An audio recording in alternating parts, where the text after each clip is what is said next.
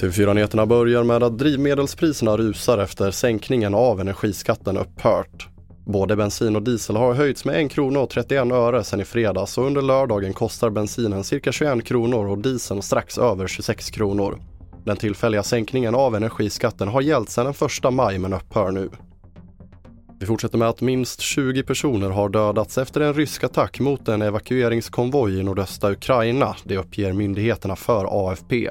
Under fredagen dödades minst 30 personer i en liknande attack i Zaporizjzja. Vidare till Indien där samtliga kvinnor nu, gift som ogift, har rätt till abort fram till och med vecka 24. Detta i ett beslut från landets högsta domstol, rapporterar TT.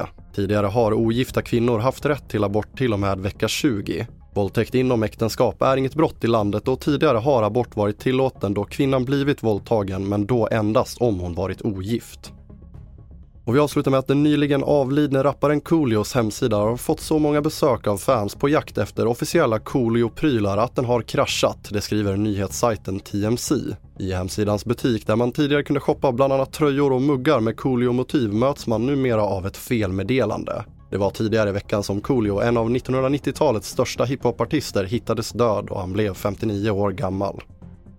Fler nyheter hittar du på tv4.se. Jag heter André Meteran Persson.